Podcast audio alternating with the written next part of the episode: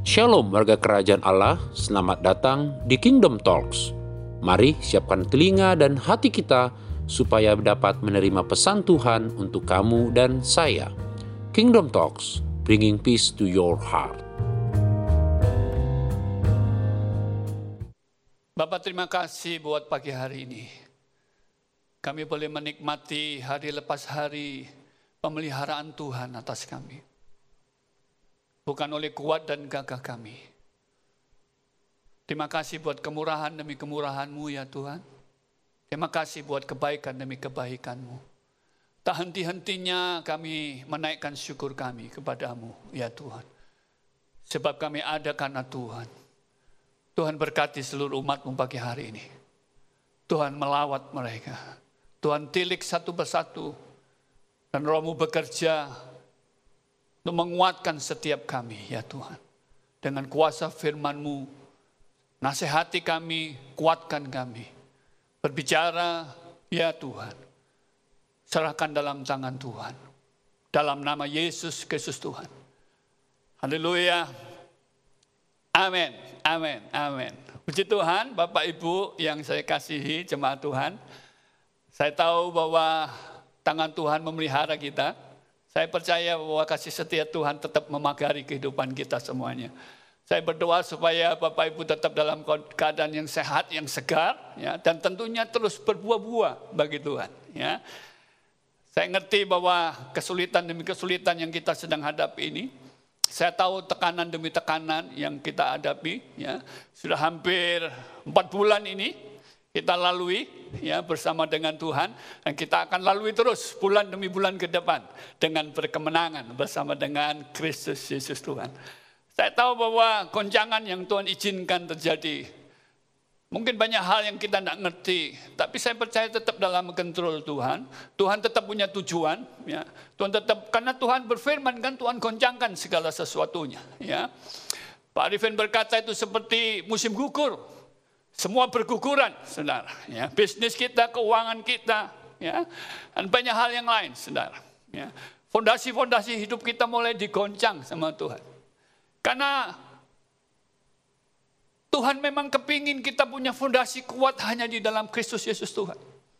Ya, ada rumah-rumah kata firman itu yang nanti roboh, kerusakannya hebat karena dibangun di atas dasar pasir.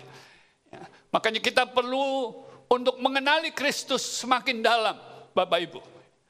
Tapi saya bersyukur ada rumah tangga juga rumah tangga yang semakin kuat satu dengan yang lain. Ya, karena mereka berespon dengan benar menyikapinya. Ada banyak orang belajar rendah hati. Ya. Karena dengan rendah hati itulah akhirnya terbangun kekuatan demi kekuatan. Saya bersyukur ada orang-orang yang semakin dekat semakin menikmati keluarga, semakin uh, kuat hubungan satu dengan yang lain. Tapi juga kita mendengar ada begitu banyak juga keluarga-keluarga yang mengalami kehancuran. Saya berdoa supaya setiap kita semakin kuat di dalam Kristus Yesus Tuhan. Bapak Ibu kesulitan yang kita alami ini, tekanan yang kita alami harus kita sikapi dengan cara pandang yang benar. Sebab Kristus Yesus Tuhan kita tetap hidup di dalam tujuan. Ya. Dia itu melihat kita sebagai tubuhnya ini, dia melihat kita sebagai mempelainya suatu hari nanti yang dewasa. Jadi Tuhan kepingin banget, Tuhan sudah rancang bang, buat kita. Buat dia, kita ini sebagai tubuhnya akan menjadi mempelainya. Suatu hari tanpa cacat dan celah kata firman. Bahkan di dalam Efesus, dalam Efesus 4 itu Tuhan pelengkapi orang percaya juga dengan tujuan untuk kedewasaan. Keserupaan dengan Kristus. Kata-kata ini, kalimat ini akan terus kita dengar. Sebab ini goal. Ya, ini tujuan dari kehidupan saudara dan saya. Dan tekanan demi tekanan yang kita lalui ini adalah cara Tuhan. Salah satunya adalah untuk menguatkan kita yang di dalam kita ini, saudara. Ya, manusia rohani kita Semakin kuat, semakin menyerupai dengan Kristus. Karena kalau akar kita tidak dalam, ini seperti pohon. Kena angin besar, dia gampang tercabut Bapak Ibu. Tapi kita harus punya akar yang makin dalam dan makin dalam dalam pengenalan kita akan Kristus Yesus Tuhan. Tadi saya katakan bahwa Tuhan sedang merancang tubuhnya, yaitu Bapak Ibu, saya dan setiap kita untuk menjadi dipersiapkan sebagai mempelainya yang dewasa. Dan pagi hari ini saya ingin kita mengajak kita untuk kita belajar bersama-sama dari tubuh kita, ya. Di dalam Efesus pasal yang keempat, ayat yang ke-16. Efesus 4 ayat yang ke-16. Dikatakan, daripadanya lah seluruh tubuh yang rapi tersusun dan diikat menjadi satu oleh pelayanan semua bagiannya. Sesuai dengan kadar pekerjaan tiap-tiap anggota. Menerima pertumbuhannya. Dan membangun dirinya dalam kasih. Ayat ini Paulus mengajar bagaimana Tuhan memakai hamba-hambanya untuk memperlengkapi kita orang-orang kudus. Yaitu setiap kita yang percaya Yesus diperlengkapi, disetel sama Tuhan, disempurnakan supaya bertumbuh dewasa di dalam Kristus Yesus Tuhan. Nah, makanya kita harus tahu bahwa Tuhan Tuhan itu mendesain tubuh kita dengan anggota-anggota tubuh yang beragam. Ya. Supaya Alkitab tadi berkata, bertumbuh bersama-sama ke arah Kristus dan dibangun di dalam kasihnya. Dan ini waktu yang saya pikir tepat banget bagaimana anggota tubuh kita itu mempraktekkan gaya hidup Kristus dalam kehidupan kita. Ini waktu yang pas. Ya, karena kecenderungan manusia di tengah-tengah tekanan dan kesulitan, kadang-kadang ego kita makin tinggi, ya. Tapi kita mau belajar Bahkan di tengah tekanan kesulitan pun kita mau praktek benar yang namanya gaya hidup Kristus dalam kehidupan kita. Yuk kita belajar bersama-sama. Saudara yang pertama kita kita belajar bahwa Tuhan itu merancang setiap anggota di dalam tubuh kita itu untuk saling membangun. Untuk saling memperhatikan satu dengan yang lain. Puji Tuhan, tengah-tengah kesulitan ini banyak orang sudah mulai praktekkan ini saling menopang. Beberapa minggu lalu kita belajar bagaimana kita menjadi support system. Ya. Kita menjadi bagian dari orang-orang yang menopang, menguatkan satu dengan yang lain. Saudara Bapak Ibu, anggota tubuh kita ini didesain Tuhan untuk untuk itu, ya. Bukan sebaliknya, Saudara, untuk bersaing satu dengan yang lain, melukai satu dengan yang lain. Tidak, ya. Tangan kanan ini memang punya kemampuan kekuatan yang lebih ya. Tapi tangan kanan ini difungsikan Tuhan untuk menopang anggota tubuh yang lain. Bukan untuk justru melukai anggota tubuh yang lain. Tapi kenyataan dalam kehidupan kita, sering kali kita lakukan hal yang tidak sesuai rancangan Tuhan. Kita justru saling bersaing satu dengan yang lain. Kita justru saling melukai dengan perkataan kita satu dengan yang lain. Kita bahkan bisa memecah belah satu dengan yang lain. Bapak Ibu itu bukan rancangan Tuhan.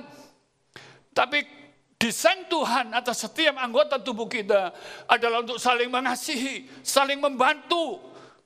Karena setiap anggota tubuh punya kelebihan dan kekurangan. Kekuatan yang lain untuk menopang kelemahan yang lain. Kita diajar untuk rendah hati. Di tengah musim ini, ada banyak orang egonya sombong, tidak perlu bantuan. Tahu ada masalah. Kalau orang rendah hati dia datang untuk minta pertolongan. Bapak Ibu, saya sadar saya juga punya keterbatasan. Saya perlu orang lain, saya harus mengakui. Pada orang-orang sekeliling saya, tolong saya, tolong kerjakan ini. Karena saya tahu ada banyak kekurangan. Tapi suka saya memakai semua kelebihan yang Tuhan beri buat hidup saya. Untuk menolong banyak orang untuk memperlengkapi banyak orang. Saudara, ayo kita belajar di musim ini. Untuk gaya hidup Kristus ini kita praktekkan dalam hidup kita. Ingat, anggota tubuh didesain untuk berfungsi satu dengan yang lain. Mengokohkan. Ayo pakai perkataan kita untuk membangun satu dengan yang lain. Nasihati, saling membantu satu dengan yang lain. Dan Bapak Ibu, sudah kerjakan itu di tengah-tengah musim ini. Haleluya. Tapi jangan ego. Bayangkan kalau setiap anggota tubuh kita ini ego satu dengan yang lain. Dia tidak pedulikan anggota yang lain. Oh, kita akan menjadi tubuh yang sakit. Yang gampang capek, yang gampang lelah. Saudara, tapi kalau setiap anggota ini berfungsi, tadi saya tekankan kata ini berfungsi karena itu desain Tuhan. Ayo berfungsi, temukan fungsimu di dalam tubuhnya, di tengah-tengah komunitas. Berfungsi, saudara. Ayo kita praktekkan gaya hidup Kristus itu dalam kehidupan kita. 1 Korintus 12 ayat ke-21 dikatakan begini. Jadi mata tidak dapat berkata kepada tangan, Aku tidak membutuhkan engkau. Dan kepala tidak dapat berkata kepada kaki, aku tidak membutuhkan engkau. Kalau ego-ego satu dan yang lain merasa tidak membutuhkan. Tuhan tidak desain untuk itu. Ya. Ayat yang ke-25 dikatakan, tetapi supaya anggota-anggota yang berbeda ini saling memperhatikan. Saling memperhatikan kalau ada yang lemah, ayo kuatkan, doakan. Kalau ada yang mau dibantu, dibantu Bapak Ibu. Bisa enggak kita saling melukai? Bisa aja Bapak Ibu. ya Di rumah mungkin suami istri. Bisa aja saling salah ngomong satu dengan yang lain. Bisa aja. Tapi dengar, kita juga harus praktekkan saling mengampuni satu dengan yang lain. Karena kasih Tuhan itu bisa menyembuhkan semua luka kita. Praktekkan itu Bapak Ibu. Tidak mudah, tapi kita harus praktekkan itu. Apa yang di dalam kita yaitu Kristus yang tinggal di hati kita. Kita kita praktekkan melalui kasih satu dengan yang lain Bapak Ibu. Wah itu akan menjadi sesuatu yang indah bukan? Nah, saya percaya kalau ini kita kerjakan satu dengan yang lain. Kita akan bersama-sama bisa melewati musim ini sampai selesai bersama-sama karena setiap kita berfungsi satu dengan yang lain untuk saling menguatkan, saling mengokohkan, saling membantu, saling mengasihi satu dengan yang lain. Kita akan melalui bersama-sama itu. Wow. Yang kedua, Tuhan merancang batasan setiap anggota tubuh kita. Setiap anggota tubuh kita ini Tuhan sudah kasih batasan satu dengan yang lain. Saya baca di dalam 1 Korintus 12 ayat 18. Dikatakan, tetapi Allah telah memberikan kepada anggota masing-masing secara khusus suatu tempat pada tubuh seperti yang dikehendakinya. Dikatakan secara khusus. Jadi kita ini spesial Bapak Ibu. Kita ini khusus ya. Ditempatkan Tuhan Sesuai kemampuan kita, saudara. Jadi yuk kita enjoy. Kita punya rasa aman, kita suka cita menjadi diri kita, saudara. Repotnya kalau kita itu banding-bandingkan dengan banyak orang kehidupan kita. Karena Tuhan itu secara khusus. Makanya temukan yuk kekhususan itu yang Tuhan beri buat kita. Karunia kita, bakat kita. Semua potensi kita. Itu khusus Tuhan beri buat kita. Jadi jangan banding-bandingkan kehidupan kita dengan banyak orang. Kita boleh belajar dari banyak orang. Tapi saudara harus temukan kekhususan itu. Kalau kita tahu kekhususan kita ini, maka kita tahu batasan apa yang kita bisa kerjakan dan apa yang kita tidak boleh kerjakan. Dan izinkan orang lain mengerjakannya. Katanya Tuhan kasih batasan fungsi yang berbeda-beda. Tangan kanan berbeda dengan tangan kiri. Mata, hidung, semuanya punya batasan, ya, punya kelebihan dan kekurangan masing-masing. Jadi kita tahu batasan ini, itu akan menolong kita supaya kita itu tidak melewati batas. Orang kalau melewati batas itu membuat kita stres. Apalagi dikerjakan terus menerus Bapak Ibu. ya. Wah itu membuat kita stres Bapak Ibu. ya. Tapi bukankah hidup kita didesain untuk menikmati damai sejahtera Tuhan. ya. Moto gereja kita itu adalah we help you to fulfill your destiny. Ya, kita akan tolong Bapak Ibu yang tidak ngerti tujuan hidup, tidak ngerti fungsinya apa. Ayo datang ke kami, tidak apa-apa. Kami akan tolong untuk Bapak Ibu semuanya jemaat Tuhan untuk kenali fungsimu di dalam tubuhnya. Haleluya. Ya. Jadi kita punya batasan, batasan mental kita juga berbeda. Kemampuan menanggung tekanan kita juga berbeda Bapak Ibu. Ya. Jadi kita harus tahu ini, menyadari ini.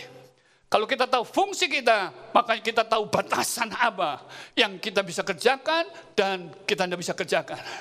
Ya, saudara, ini akan menolong kita untuk kita mengurangi stres dalam kehidupan kita.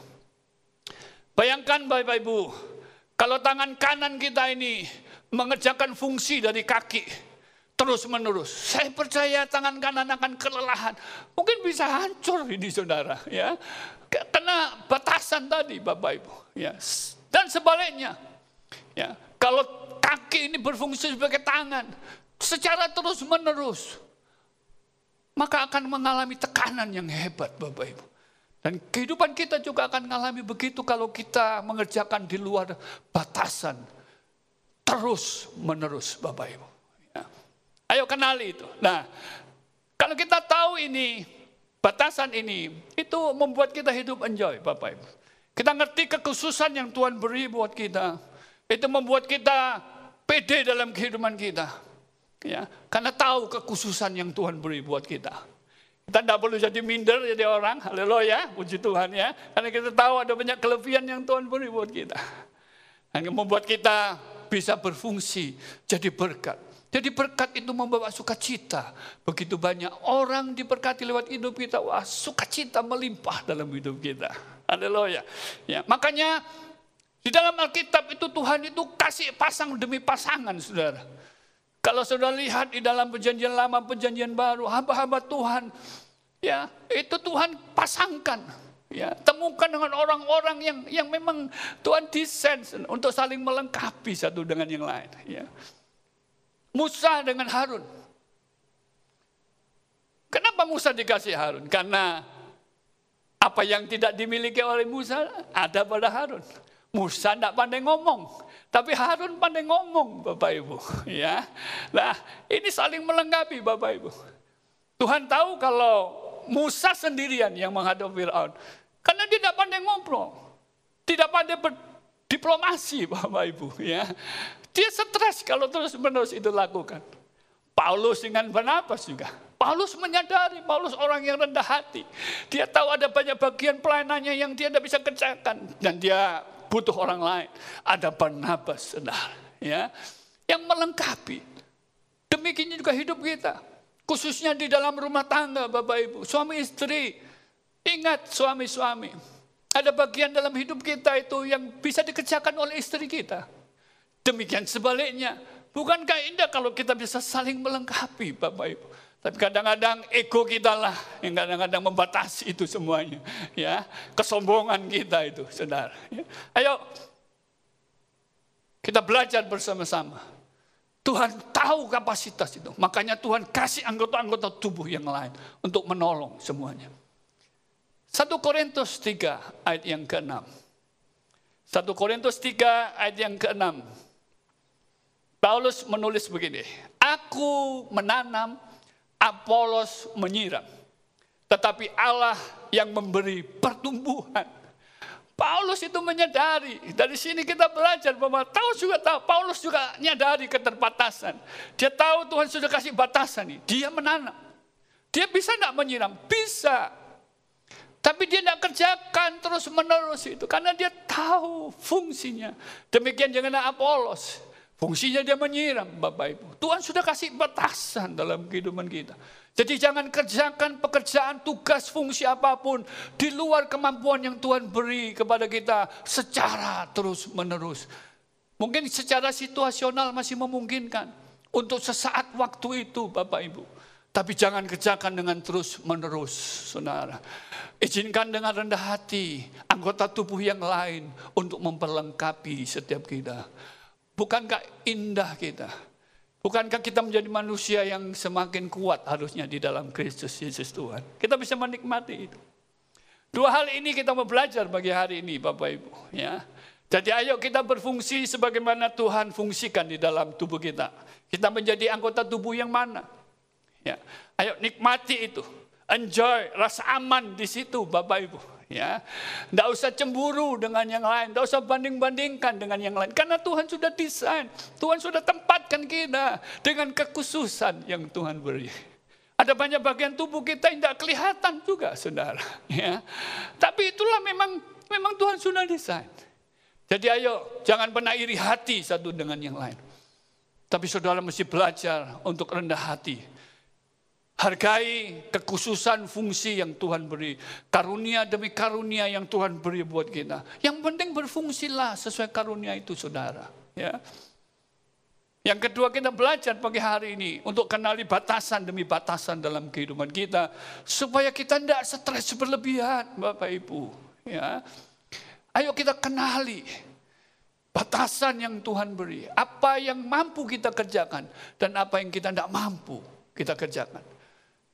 Kalau kita kenali itu, maka damai sejahtera Tuhan turun atas kita. Kita menjadi orang yang bersuka cita dalam kehidupan ini. Ya. Puji Tuhan Bapak Ibu. Ya. Ini ini doa kami, ini doa saya juga.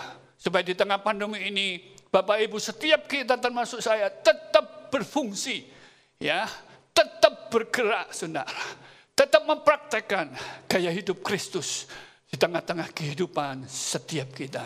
Haleluya dari Tuhan. Doa saya, Bapak Ibu semuanya kuat di dalam anugerahnya. Kita bersama-sama akan lalui musim ini ke depan. Kita tidak tahu ke depan bagaimana, kita tidak tahu persis ya. Tapi kalau kita lakukan bersama-sama dengan fungsi kita masing-masing, ya bergerak saling satu dengan yang lain, wow, kita akan kuat bersama-sama. Tidak ada satupun lemah di tengah-tengah kita. Ini doa saya, anugerah Tuhan limpah buat kita semuanya. Amin. Amin. Mari kita berdoa Tuhan terima kasih. Kami mau mensyukuri semua yang Tuhan izinkan atas hidup kami. Tuhan kau mengajar kami pagi hari ini. Kami sudah diberi tugas khusus oleh Tuhan. Kami sudah ditempatkan sebagai anggota tubuh masing-masing berbeda kami mau menikmati ya Tuhan. Tuhan terima kasih. Terlebih kami mau berfungsi. Tuhan terima kasih. Buat kemampuan, buat karunia, bakat, potensi yang Tuhan beri. Di musim ini kami mau maksimalkan ya Tuhan. Tekanan, kesulitan, tidak boleh menghentikan kami untuk kami terus berfungsi dan bergerak ya Tuhan. Karena kami tahu ada rohmu di dalam kami yang membuat kami terus bergerak, ya Tuhan. Bapak terima kasih kalau engkau sedang mempersiapkan kami sebagai tubuhmu ini, sebagai mempelaimu yang dewasa di dalam engkau. Tuhan kami mau sikapi dengan sikap hati yang benar ya Tuhan. Bapak saat ini engkau melawat kami, saat ini engkau menjamah setiap kami ya Tuhan, seluruh umatmu ya Tuhan. Terima kasih buat kebenaran ini. Terima kasih ya Tuhan buat isi hatimu. Tidak ada seorang pun yang lemah ya Tuhan. Di dalam nama Yesus Kristus Tuhan. Kami menaikkan doa kami, syukur kami. Haleluya. Amin.